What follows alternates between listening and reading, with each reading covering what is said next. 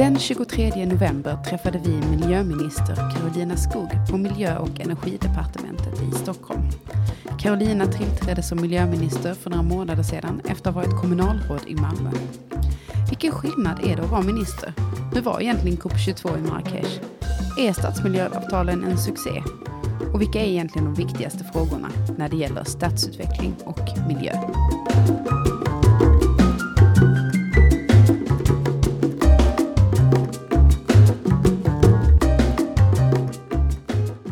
Hej och välkomna till Esplanad, en podd om staden, trafiken och framtiden producerad av Trivector.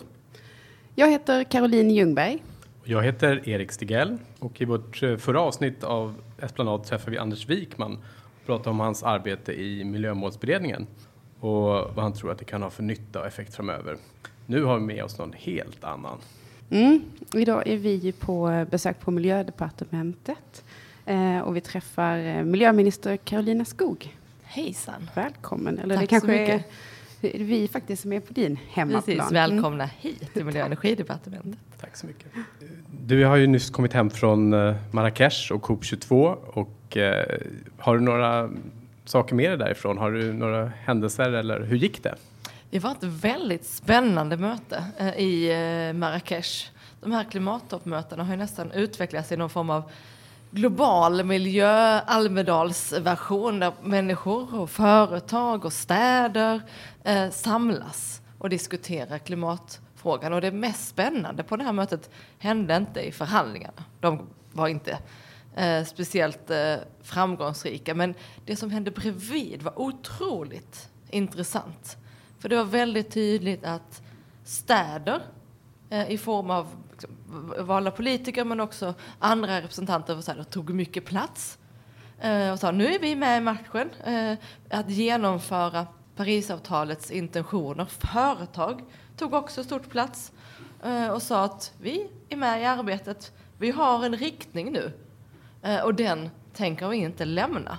Och detsamma var ju också tydligt från flera städer. Eh, Kina är kanske det mest omtalade. Otroligt tydligt budskap. Vi har valt riktning nu. Vi ämnar fortsätta den. Eh, ingen enstaka eh, ledare för något land eh, kommer kunna ändra på det. Men det här momentumet som vi har sett efter Paris bevisades och var väldigt levande i Marrakesh. Det finns eh, en tydlig samling kring att genomföra Parisavtalet. Kan man säga att det blev en, någon sorts eh, underifrån perspektiv då? Att, att eh, inte från den enskilda människan men ändå från företag och, och städer istället för från stater? Ja, absolut var det känslan att det, nu är trycket underifrån. Eh, och en, en intressant sak var då att de här internationella eh, institutionerna, Världsbanken och FN-familjen som de kallas där nere i FN-sammanhang, eh, har noterat det eh, och diskuterar väldigt mycket. Men vi behöver koppla oss till den här lokala nivån där det verkar hända bättre. Vi behöver samla all den kunskap som byggs upp på lokal nivå inom företag och in i våra institutioner. För annars hamnar vi efter. Då känns det ändå som att du är optimistisk efter COP22. Jag är i stora delar optimistisk in, eh, efter eh, Marrakesh-mötet. Då inte efter det som hände själva förhandlingarna, men det som fanns runt omkring och det tryck som faktiskt finns eh, i klimatfrågan. Som delvis eh, beror på det som händer i klimatfrågan i sig, men också, inte minst händer innan man kopplar ihop klimatfrågan med andra frågor, till exempel hälsoaspekter. Eh, och en, eh, ett ämne som diskuterades väldigt mycket var luftföroreningar i stora städer som är ett akut problem i flera viktiga länder och en viktig drivkraft eh, att göra av med de fossila bränslena. För man står inte ut med de effekterna det har lokalt. Så det blir någon sorts win-win att man samtidigt som man, man får bort eh, dieseldrivna fordon i Indiens städer så, så, så gör man någonting åt eh, klimatfrågan på samma gång då. Precis. Eh, Och också, det fanns också en diskussion och medvetenhet om att vi måste göra rätt. Så att vi, det finns ju exempel på åtgärder som minskar eh, CO2-utsläppen men faktiskt ökar luftföroreningarna. Eh, och det har varit väldigt dyrköpta läxor i vissa länder och den typen av misstag har vi inte råd med utan vi måste arbeta utifrån ett helhetsperspektiv och se till att vi har de där win-win. Och det är också viktigt för att få medborgare med oss på det här tåget. Man kan inte låta bli att fråga, hur var, hur var liksom stämningen med tanke på Trump och allt som hände precis i anslutning till Marrakesh? Självklart var det amerikanska valet den stora snackisen. Mm. Men det, jag upplever att många reagerade lite med lite revanschlystnad. Alltså det ska inte komma någon populistisk eh, politiker eh, och försöka förstöra den här processen som vi har arbetat för så många år och äntligen lyckas komma samman i. Nu ska, många sa att nu tänker jag göra ännu mer. Nu tänker jag bevisa eh, att jag tror på den här processen och tror på att det kan vara eh, en vinnarfråga. Mm. Så det är ett ganska stabilt bygge egentligen som klarar att en av de största utsläppsländerna börjar eh, tveka lite? Det framstår så. Vi ska inte luta oss och vara lugna med att det är ett tillräckligt stabilt bygge. Men de tecken jag ser nu är att klimatarbetet är tillräckligt stabilt och robust eh, för eh, att enstaka länder kan, kan tänkas spränga ur. Men inte utan att det kräver väldigt mycket arbete och att det finns stater som tar ansvar och en ledarroll i arbetet. Karolina, du är ju miljöminister, men du har också ett ansvar för stadsutvecklingsfrågor. Och det gillar ju vi. eh, och det är ju en väldigt stor bredd i de frågorna som du har ansvar för. Mm. Hur, hur känns det? Det är fantastiskt, tycker jag, att kunna kombinera miljöarbetet som är vilar på en väldigt trygg eh, grund i Sverige. Vi har ett systematiskt arbete kring miljöfrågorna. Att kunna kombinera dem med stadsutvecklingsfrågorna där det finns en sån dynamik svenska städer växer och det investeras enormt mycket i våra städer. Eh, och då finns, i det ligger ju en enorm möjlighet att göra klimatsmarta val, eh, att kunna rätta till en del av de misstag som faktiskt finns inbyggda i våra städer genom de nya investeringar som görs. Att få finnas med i den dynamiken är fantastisk. Den här urbaniseringen som sker, eh, tycker du att den eh, fungerar den bra? Finns det några några brister? För, för vi, vi, har ju mycket att lära av, av historien, att vissa, vissa urbaniseringsperioder har varit kanske lyckade och andra har kanske varit mindre lyckade. Mm. Många klankar ju ner på miljonprogrammet till exempel, att man byggde på ett speciellt sätt då. Men hur, hur kommer den här nya urbaniseringsvågen? Har den någon bra prognos? Jag tycker att den har en bra prognos. Jag uppfattar att vi har lärt oss enormt mycket från de goda och mindre eh, lyckade åtgärderna av snabb utbyggnation som vi har i, i, Sverige. Att det finns en enorm kunskap i planeringskretsar, eh, också i trafikplaneringskretsar. Att det har byggts upp väldigt mycket kunskap och erfarenhetsutbyte kring mobilitet exempelvis och hur städer strukturerar hur vi eh, rör oss och beter oss eh, i vardagen. Men det är klart att det är en eh, utmaning när vi ska bygga så snabbt. Det är klart att risken att misstag görs i, det, eh, i, eh, i tempot föreligger, finns och det måste vi eh, ha med oss och vara aktsamma kring. Att stå fast vid att um, genomföra de här intentionerna som finns uttalade på kommunal nivå och nationell nivå eh, kring ett hållbart samhällsbygge. Jag tänker att det, när man byggde tidigare, samhällsbygget tidigare var, var, inte lika komplext. Att samhället som överlag har blivit mer komplext. Att nu, nu finns det, vi ska kunna ta hand om, om eh, hundraårs skyfallsregn, vi ska kunna eh, eh, tillgänglighetsanpassa, vi, vi har eh, ta hänsyn till avgaser och, och eh, vill ha grönska in. Och det finns ett önskemål om att man ska bygga det här snabbt. Hur, hur får man ihop den ekvationen? Den, är, den kräver att vi håller fast vid att den kunskap som finns och att den får komma ut i praktiken. Eh, och att planerare, eh, arkitekter och kunniga eh, experter får vara med i genomförandet eh, hela vägen. Eh, och att vi inte släpper på visionerna om den goda, levande, gröna, robusta staden eh, i det här eh, genomförandet. Och det handlar väldigt mycket om att ta tillvara på de erfarenheterna som finns Eh, Eh, och bygga på den, på den goda samhällsbyggnadstraditionen när vi gör detta. Eh, och det finns ju några principer som jag tror är viktiga att ha med oss. Närhet är den främsta, men också blandning. Det är en av de, en vanlig kritik mot miljonprogrammen att dess ensidighet eh, är ett problem. Men städer är ju enormt spännande för samtidigt som vi vet väldigt mycket och, och tänker mycket kring det så är det också en väldigt dynamisk process. För det handlar ju om människor och som du säger så är det väldigt mycket, eller väldigt komplext. Eh, stadsbyggnadsgurun eh, Jane Jacobs eh, beskriver det ju som organisering av komplexa system. Det är väldigt väl beskrivet. Mm. Och där måste man alltid som planerare vara ödmjuk inför den komplexiteten det är att planera för människor och låta människor vara med och utforma staden. Och då är en organisk tillväxt att föredra Eh, men vi står inte eh, i valet att kunna säga att bestämma nu ska det vara i någon form av lagom takt. Vi har en enorm befolkningstillväxt, den ska ta sig om hand. Människor ska kunna bo, alla i Sverige ska kunna bo med bra livskvalitet och tillgång till offentlig service och god mobilitet. Eh, och då får vi anstränga oss så mycket så att vi klarar det. Du har ju jobbat med städer innan. Du var ju kommunalråd i Malmö. Mm. Vad är det liksom den största skillnaden mot att vara minister? Och har du kunnat plocka med dig erfarenheter från att jobba med Sveriges tredje största stad? Jag verkligen ser det som en enorm tillgång eh, i det här arbetet att ha grunden i den lokala eh, politiken där vi är där man står nära genomförandet. En stor fördel med kommun, att vara kommunpolitiker är det nära eh, samverkan som man kan ha med det eh, lokala näringslivet. Jag har lärt mig enormt mycket på det som jag nu tar med mig. Och rollen som minister och kommunalråd är i stora delar detsamma. Eh, och jag kan vila på, på den grunden. Sen är det självklart att det är ännu mer komplext och framförallt ännu mer reglerat eh, i eh, regeringsställning, eh, formaliserat. Friheten i, i, den lokala politiken är eh, betydligt större.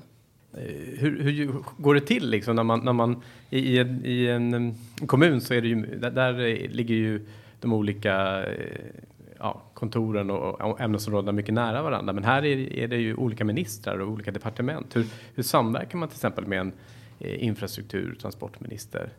Eh, finns det liksom en formell eh, Ja, det, det, är olika system. Dels har vi gemensamma arbetsgrupper över departementen inom våra politiska staber, men inte minst på tjänstemannanivå kring frågor som täcker flera departement, exempelvis stadsutveckling.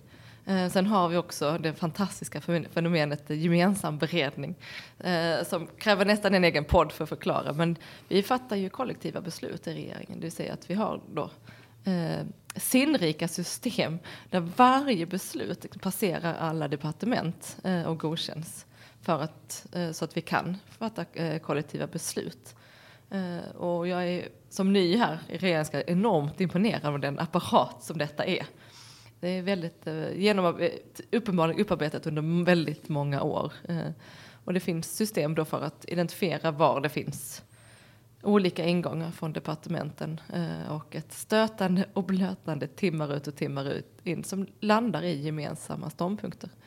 Eh, och där är ju departementens olika ingångar som kommer från att man har olika kontakter ute i samhället en styrka som gör att man får med flera perspektiv i varenda beslut. Så regeringen är lite som en blandad stad här med olika... Ja, ja. bra jämförelse. Ja. Mm. Vilka skulle du säga nu när du har eh, varit här eh, några månader? Eh, vilka skulle du säga att är de viktigaste frågorna inom stadsutveckling och, och miljö? Ja, det ena är att vi får, får till de här stora investeringar som görs i svenska städer, att de stärker hållbarhetsarbetet. Eh, och att vi använder dem för att ta tag i en del frågor som har varit svåra. Eh, strukturer som är inbyggda i städerna som vi med nya stora investeringar har möjlighet att rätta till och att det verkligen görs. Så att man inte gör endimensionella investeringar utan klarar av att se flera nyttor eh, i de här investeringarna. Har du något exempel på? Ja, det handlar ju om hur man Eh, placerar, vi bygger ju inte bara bostäder nu utan också mycket offentlig service. Eh, och att man verkligen tänker igenom hur man placerar det för att bland annat kunna möta segregationsproblem som är inbyggda i många av våra städer. genom att placera exempelvis skolor och andra mötesplatser rätt så kan man ju bemöta och bryta eh, gränser och eh, barriärer som finns inbyggda i många städer. Det är ett exempel och det, det är inte dyrare för att den placerar var man placerar skola ofta utan det handlar om att tänka efter. Eh, och inte bara se till nu ska vi ha en skolförsörjning utan vi ska också skapa en mötesplats och hur gör vi den tillgänglig för olika eh, delar av staden. Det kan bli en enorm vinst av en sådan genomtänkt strategi. Hur, hur, kan, hur kan staten vara med och påverka det? För det måste vara väldigt mycket kommunala beslut mm. om vad skolor och även mm. om det gäller friskolor så finns det ju även en tredje, en, marknaden som på något sätt mm. bestämmer var skolan ska stå. Hur, hur kan man vara med och Statens roll i den delen handlar om att vara med och vara normgivande, ställa frågorna eh, och vara tydlig med vilka utmaningar eh, vi ser. Och vi, det finns ett samverkan mellan ett antal statliga verk kring just hållbar samhällsutveckling. Där de eh, arbetar eh, igenom och ser dels hur, om våra statliga regelverk är rätt eller om de uppfattar hinder eh, så att vi ska kunna eh, ta bort dem. Och vi har också ett samverkan mellan ett stort antal myndigheter inom miljömålsarbetet som är samma sak. Där de tittar igenom, styr vi vårt arbete och våra normer som respektive myndighet sätter åt, åt rätt håll eller tvärtom åt fel håll och vad gör vi för att ta bort de hindren. Så det handlar väldigt mycket om att arbeta tvärs genom de statliga strukturerna eh, för att se i vilken, liksom, vilken normgivning vi har i det praktiska arbetet. Men också liksom, delta i den här diskussionen. Forskningen har en annan eh, roll. Där den eh, forskningsproposition som kommer att presenteras kommer att fokusera på just samhällsutmaningar eh, för att få med forskarsamhället. Och det handlar väldigt mycket om att vi pekar ut att vi vill ha en aktiv dialog med forskarsamhället i de här eh, frågorna. Det är ju Sveriges styrka när vi jobbar i Triple Helix där eh, näringslivet och forskarsamhället och offentliga samverkar eh, och bygger en gemensam norm. Den andra stora eh, frågan för våra städer är transporterna. Det är en stor fråga Mm, ur miljösynpunkt. När jag ser på genomförande av de svenska miljömålen så framstår det tydligt för mig att det är inom transportsektorn som det mest återstår att göra. Vi är inte färdiga på de andra områdena men vi har riktningen väldigt tydlig, tydligare utpekad. Eh, och det är också så att transporterna påverkar våra städer enormt mycket. Påverkar vem som har tillgång till gaturum. Eh, om man gör, gör, eh, analyserar hur våra städer fungerar ur feministiskt eller ur ett mångfaldsperspektiv så är ju trafikens inverkan eh, enormt stor. Och där har vi ju byggt upp ehm, en en norm som handlar om att bilen dominerar i nästan alla svenska tätorter. Och den menar jag behöver ifrågasättas för att vi ska kunna skapa städer som är både levande, hållbara, robusta men också tillgängliga för alla invånare.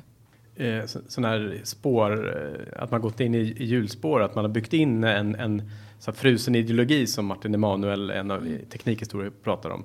Hur, hur, det är ju väldigt svårt att, att bryta med det. Hur, mm hur gör man det? Hur, hur ger man eh, cykeln till exempel mer plats och kollektivtrafiken mer plats på kanske på, på biltrafikens bekostnad? Ja, en roll, ett sätt som jag försöker bidra med det är att eh, lyfta fram historien eh, som bland annat är väldigt väl eh, nedtecknad i, i tankarna kring den frusna ideologin. Eh, och peka på att bilen introducerades i Sverige genom politiska beslut. Eh, politiska beslut fattade i Stockholm, väldigt centrala, politiska eh, beslut.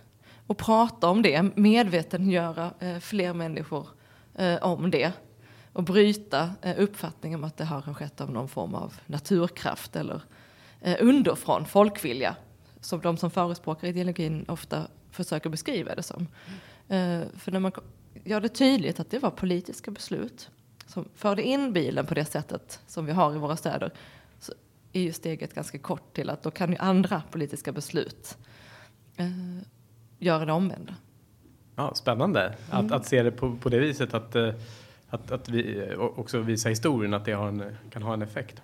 på, på Jag tror det är en bilden. viktig del i den lärandeprocess vi behöver ha för att kunna eh, hantera eh, stadsutvecklingen framöver och klara av, av att bryta bilens eh, dominans.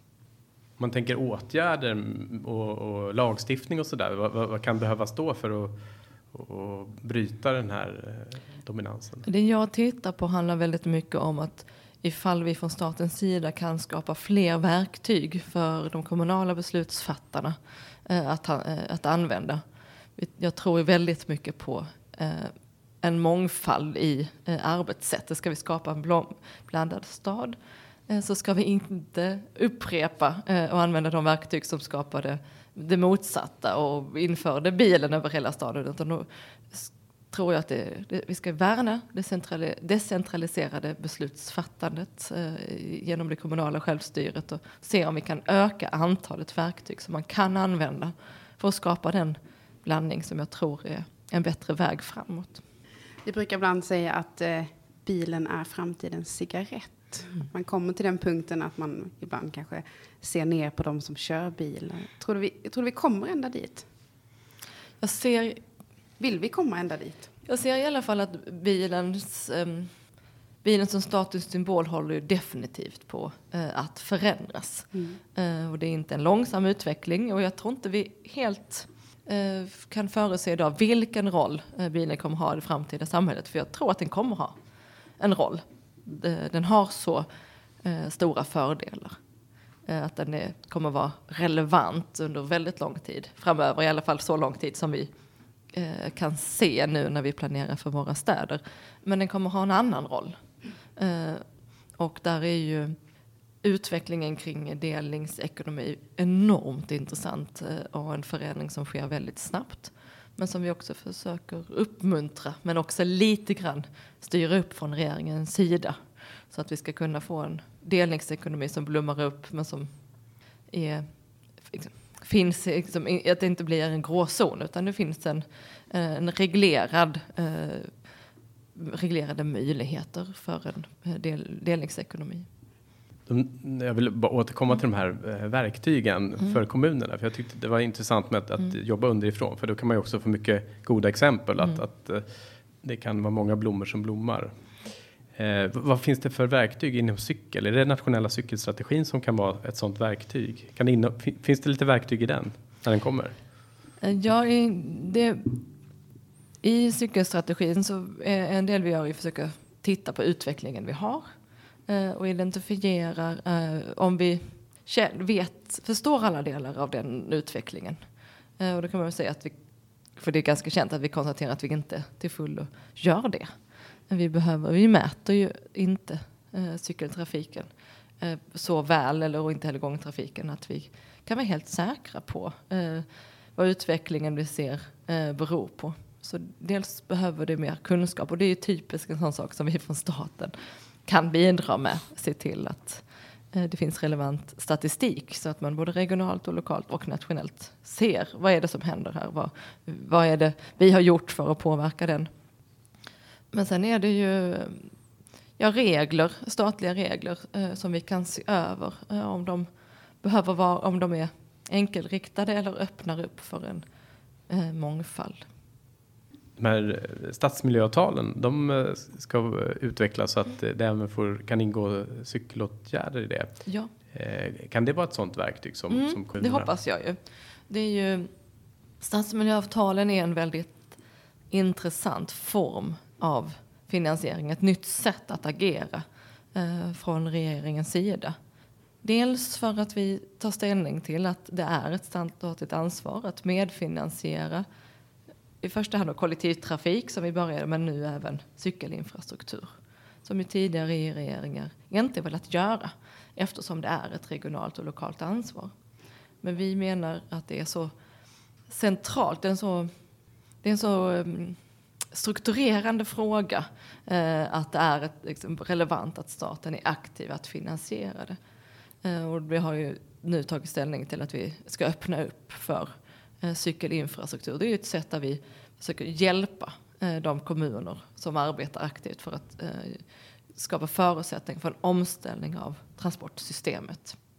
Jag tänker att det är ett signalvärde också att, att det kommer en signal för att staten är med i cykelfrågan. Mm, eh, så ser jag också på det. Att det är både en faktisk eh, finansiering men också en tydlig signal att vi menar att pekar ut cykel som en strategiskt viktig fråga för trans hela transportsystemet. Men sen i stadsmiljöavtalen ligger det ju också motprestationer som jag tycker är minst lika viktiga. Att vi kräver att för att få de här pengarna så ska man visa att man har ett strukturerat arbete som, där man kopplar ihop eh, utvecklingen av kollektivtrafik, hållbara transportsystem med bebyggelsestrukturen och bostadsbyggandet. Man bygger stad helt enkelt. Man, att man bygger stad. Ja. Uh, och jag tycker det, det är också en väldigt, väldigt viktig signal uh, från statens sida. Uh, att vi förväntar oss ett, att man på kommunal nivå strukturerar arbetet och visar att vi arbetar mot en omställning av transportsystemet, en fossilbränslefri transporter. Och vi gör det på de här sätten. Men att det är väldigt öppen hur men att man har en struktur och har tänkt efter och kan visa att den här investeringen spelar den här och den här rollen i det här strukturerade arbetet. Då menar jag att vi får en, den typen av dialog eh, som jag vill se mellan den statliga och den lokala nivån. Vad är din bild av stadsmiljöavtalen? Är de, är de en succé? Jag uppfattar absolut att de är en succé. Om man tittar på hur mycket de söks är det väldigt tydligt att de är en succé. De översökt som vi säger i myndighetsvärlden. Alltså det vi hade, eh, antalet ansökningar överskrider hur mycket pengar som finns i systemet eh, väldigt liksom, stort. Vi ser ett eh, väldigt stort intresse från kommunerna som ingår synpunkter på systemet, vilket är bra. Eh, men också så har jag mött, eh, fått väldigt positiva reaktioner eh, eh över att vi har eh, öppnat upp för att eh, även cykelinvesteringar kan ingå. Och det beror ju på att man kommunalt ofta eh, kombinerar cykel och kollektivtrafik i de här planerna och då är det logiskt att man kan göra båda typerna eh, av investeringar inom avtalen. Det är också en viktig signal att vi säger att det här är inte en tillfällig lösning utan vi, mer, vår plan är ju att det här kommer, ska ingå i den nationella infrastrukturplaneringen permanent. Mm. Det blir en, vi kommer att se en fortsättning på stadsmiljöavtal? Ja, i, det, tanken är att detta ska vara en del av det, Trafikverkets arbete med nationell plan permanent. Spännande. Mm, superspännande. Eh, det har kommit en, en, eh, en utredare föreslagit att man ska bygga nya städer. Eh, att ett sätt att, att det inte bara är förtätning av de befintliga utan också att bygga nya städer. Eh, och du har ju precis flyttat till Stockholm och är, har säkert inrett ditt hem nu. Eh, hur skulle du vilja inreda de här nya städerna? Ja, tanken med det här senaste initiativet är att titta på stora, man säger, stora exploateringar som skulle kunna vara helt nya lokaliseringar eller eh, i, eh, inom eh, stadsstrukturer. Eh, för att se om staten har en roll eh, att möjliggöra det. Och det handlar ju om att man identifierat att staten tvärtom ibland är, kan sätta upp hinder för den typen av eh, lite större grepp. Eh, de görs ju. Eh, Eh, det som görs Vallastaden i Linköping är ju ett exempel på att det går eh, att göra. Och det intressanta när man tar, gör en lite större exploatering är ju att man sätter strukturen från början och har möjlighet att göra saker rätt från början. Exempelvis att man sätter, liksom planerar, låter kollektivtrafiken vara strukturerande.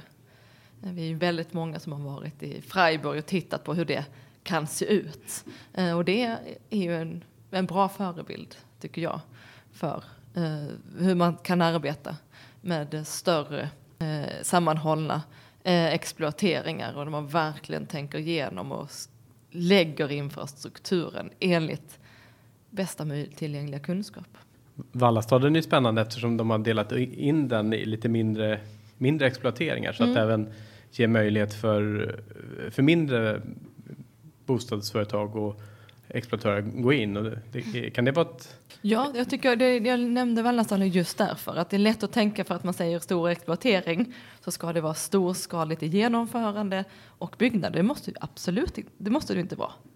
Eh, Vallastaden är ett jättebra exempel att man tar ett stort grepp men man bryter ner det eh, och lägger strukturerna i eh, tydligt men man bryter ner genomförandet och öppnar upp för många små eh, aktörer. Det är också en erfarenhet jag har från Malmö. Eh, att vi upplever att, eh, att en, det finns framgångsfaktorer i eh, att släppa in både stora och små aktörer eh, i samma projekt. Det låter väldigt spännande att inreda en stad redan från början. Göra hur? allting rätt. Det- Vi är väl många som kanske drömt om det, eller hur? Mm, Planera från början, eller hur? Jo, verkligen. Det tindrar i alla planerares ögon med den tanken. Tänk om vi bara kunde göra rätt från början. Lägga strukturerna baserat på de hållbara lösningarna redan från början. Mm. Ehm, jag funderar lite på, vi pratade innan om bilen och eh, bilens roll. Eh, men när det gäller biltrafik och drivmedel så känns det länge som att man har saknat en tydlig linje. Varför är det så? Det är ju så att vi ser i Sverige att eh, biodrivmedel är en viktig del eh, av omställningen mot fossilfrihet. Elektrifiering är en del, eh, men biodrivmedel är åtminstone en lösning fram till elektrifiering slår igenom helt, eller är det kanske också en riktigt långsiktig lösning. Men vi får inte förståelse för det i Europa. Det är, inom EU så är det Sverige och Finland Eh, som tänker i de här banorna. Och det är ju, beror ju helt enkelt på att vi har tillgång till en massa eh, biologiskt material från vår skogsindustri. I Europa så har biodrivmedel fått ett enormt dåligt rykte baserat på att det finns dåliga exempel på biodrivmedel som eh, faktiskt kan vara sämre än de fossila om man tittar på helheten. Eh, och därför har tidigare regeringar bara lyckats förhandla fram undantag eh, från EUs eh, e eh statsstödsregler, vilket är den främsta delen som påverkar hur vi kan eh, stödja olika bränslen. Den här regeringen, vi har tagit på oss att vi vill hitta mer långsiktiga lösningar så att de som arbetar, inte minst med att producera biodrivmedel men också att investera i fordon och annat får långsiktiga spelregler. Och vi har väldigt intensiva förhandlingar med EU-kommissionen i den här frågan. Den är väldigt den är komplex eh, och väldigt, väldigt svår. Men vi arbetar väldigt hårt på att lösa det. Då kan man ju eh, i samband med det här inte låta bli att fråga, hur blir det med det här bonus malus? Mm. Det är också en fråga som Mm. vi arbetar väldigt hårt med. Det var svårare att hitta ett bra system för bonus-malus än vi trodde när vi startade det här. Det har tagit längre tid för att det har visat sig eh, vara mer komplext. Eh, en faktor som har vuxit sig starkare de senaste åren är det som kallas läckage, det vill säga att eh, bilar på andrahandsmarknaden handlas väldigt mycket över gränser i EU. Beroende på att det finns olika subventioner i olika länder. Exempelvis går idag väldigt mycket gasbilar eh, från Sverige till Tyskland. Eh, och när vi utformar ett bonusmål så måste vi självklart ta det i beaktan. Och det är en av eh, faktorerna som har eh, visat sig att liksom, det är hela effekterna av sådant system är inte enkla att förutse. Och därför har det tagit längre tid, men det jobbas väldigt intensivt på regeringskansliet för att hitta en rimlig lösning. Det låter ju som att med det här med läckaget att man borde ha en europeisk lösning då. Att eh, bonus malus på europeisk nivå, är det möjligt? Det vore nog att föredra. Det finns vad jag känner till ingen helt aktiv diskussion om det. Hittills har det varit eh, att varje land har utvecklat eh, sitt system. Men som du säger så ser vi också väldigt tydliga effekter av det. Både jag och eh, klimatminister Isabella Lövin har ju, eh, är intresserade eh, av att kanske få upp en diskussion eh, på EU-nivå eh, om vilka bränslen, vilka fordon vi ser ska finnas i EU framöver. Det har ju tag, troligtvis kommer det ett sådant initiativ från Tyskland och det, det, skulle, det skulle vara bra om vi får fram, upp den diskussionen. Är det annars elbilen jag tänker som kommer dominera eller, eller blir det? Eh, Nu, visst, jag tycker att cykelmaskin är en stark utveckling eh, vad gäller elbilar eh, nu, både i Sverige och i världen. Men eh, vätgasbilarna bubblar de också. Ja, för jag tänker elbilarna ju, kan ju vara ganska bra. De beror ju väldigt, deras miljöprestanda beror ju väldigt mycket på vilken elmix man har i det landet som de, de körs och ladd, tankas på. Mm. Så att i, i Europa behöver inte elbilen vara en, um, bra för klimatet även om det är väldigt bra för minska buller och, och avgaser i staden. Alltså det, det är inte så lätt tänker jag för att få en europeisk politik. Nej, och, och det är väl ka eh, kanske det som har hållit tillbaka sig hittills. Att vi har väldigt olika förutsättningar i olika europeiska länder.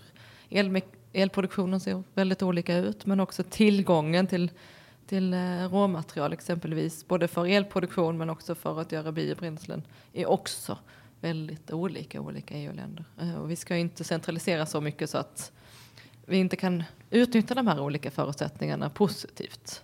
Men marknaden är ju helt uppenbar gemensam i EU och när EU som gemensam marknad tar steg så påverkar det hela den globala marknaden eftersom väldigt stor andel av nya bilar säljs i EU.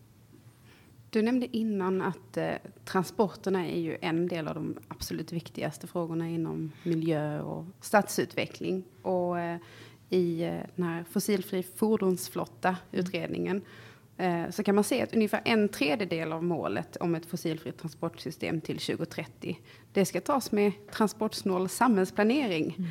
Eh, händer det någonting inom det här området? Händer det i tillräckligt tempo? Jag ser en stark utveckling, att kunskapen om vad som är en transportsnål samhällsplanering sprids i Sverige. Vi har ju också samlat de fyra ansvariga myndigheterna eh, i ett eh, aktivt samverkansarbete kring just frågorna kring hållbar samhällsplanering och var i transportsnålheten är en viktig del. Eh, och de arbetar aktivt och har kommit närmare varandra än de här myndigheterna varit eh, tidigare. Och det ger också återverkningar kring ute i den kommunala sektorn. Så jag ser att kunskapen sprids eh, och vi ser allt fler väldigt goda exempel på eh, stadsplanering eh, där man utgår från andra, eh, liksom verk, verkligen i praktiken sätter igång cykel och kollektivtrafik i centrum och funderar på eh, hur man kan göra saker utan eh, att eh, röra sig. Eller med korta resor. Och då är blandstaden är en viktig del. Delningsekonomin är en annan del som också kommer in i stadsplaneringen. Vilka fysiska strukturer behövs för att få en fungerande delningsekonomi? Jag ser också, jag hoppas att jag ser det, kanske för att jag lite vill, men jag tycker mig se eh, att vi har eh, toppat utvecklingen av externa köpcentrum i Sverige. Jag tycker mig se den tendensen att det verkar ha eh, kommit över någon form av gräns, kanske för att eh, mättnaden har blivit, eh, helt enkelt är övermättat. Men från regeringens sida så tar vi väldigt tydlig ställning eh, för gångcykel och kollektivtrafik. Det står enormt tydligt i infrastrukturproppen att vi anser att det är de mest effektiva transportmedlen. Så tydlig har inte tidigare regeringar varit och vi hoppas självklart också att det ska bli en tydlig signal, både Trafikverket men till alla involverade i transportsektorn. Du pratar om delningsekonomin och hoppas att den ska kunna hjälpa till här. Och en del av det är ju bilpooler. Mm. Eh, kan man tänka sig att regeringen tar fram en eh, definition på vad bilpool är som ett verktyg för kommunerna att, eh, att använda om de vill göra lokala stödåtgärder för bilpooler till exempel inom parkering eller någonting?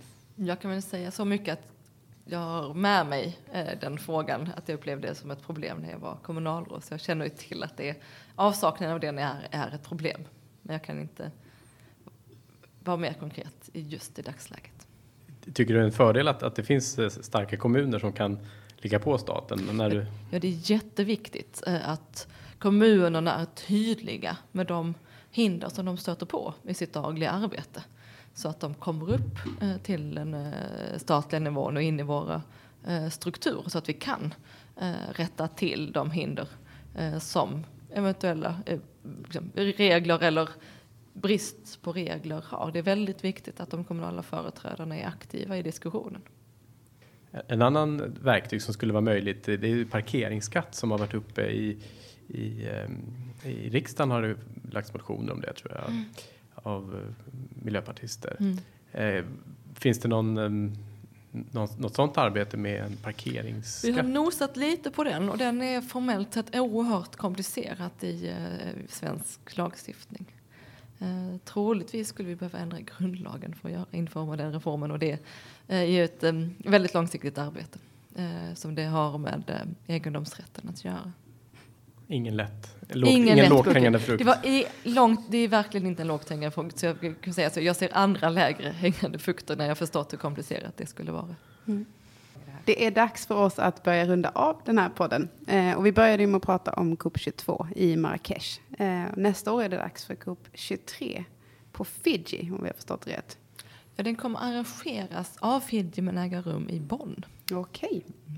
Vad, vad behöver hända tills dess? Vad kommer att ha hänt till dess? Det viktiga är att varje stat arbetar på det som är nationella åtaganden. Eh, och filar på dem, filar på vad, vilka konkreta åtgärder eh, man ska göra inom varje land. Men jag hoppas också eh, att de nätverk som finns mellan kommuner och mellan städer och mellan företag, att de också gör motsvarande hemarbete eh, och stärker sina åtgärder, stärker samverkan. Eh, så att de kan återigen ta en stor plats i den globala klimatpolitiken. Men också att vi flyttar fram positionerna vad gäller att integrera klimatarbetet i andra policyområdet. Och där ser jag att eh, hälsofrågan är otroligt viktig. Eh, och jag har till exempel diskussioner med WHO som är en aktör som börjar dyka upp i klimatdebatten och det är väldigt, väldigt bra. Så att vi ser till att de åtgärder vi gör inom eh, klimatramverket är åtgärder som är bra för helheten. Eh, och då är ju de globala hållbarhetsmålen en bra ram. Eh, för de har med alla frågor. Om man använder dem som ett ramverk så hoppas jag att man ska undvika att göra eh, misstag och gå på enkla lösningar där man kan minska koldioxidutsläppen men kanske öka andra utsläpp. Det har vi inte råd med. Vi måste klara klimatutmaningen tillsammans med och se till att vi snarare då får win-win effekter på den eh, lokala miljön exempelvis i våra städer. Det låter som vi har en del att göra framöver. Tusen tack för att vi fick eh, komma och hälsa på dig, Carolina. Mm, tack så mycket. Ja, tack för att ni kom. Hej då. Hej då. Hej då. Gillar du Esplanad? Vi är just nu nominerade till Svenska podcastpriset i kategorin samhälle och kultur. Rösta gärna på oss, sök på Svenska podcastpriset. Vill du veta mer om podcasten eller om Trivector? Gå då in på trivector.se och har du tankar eller idéer om podcasten kan du mejla till esplanad.trivector.se.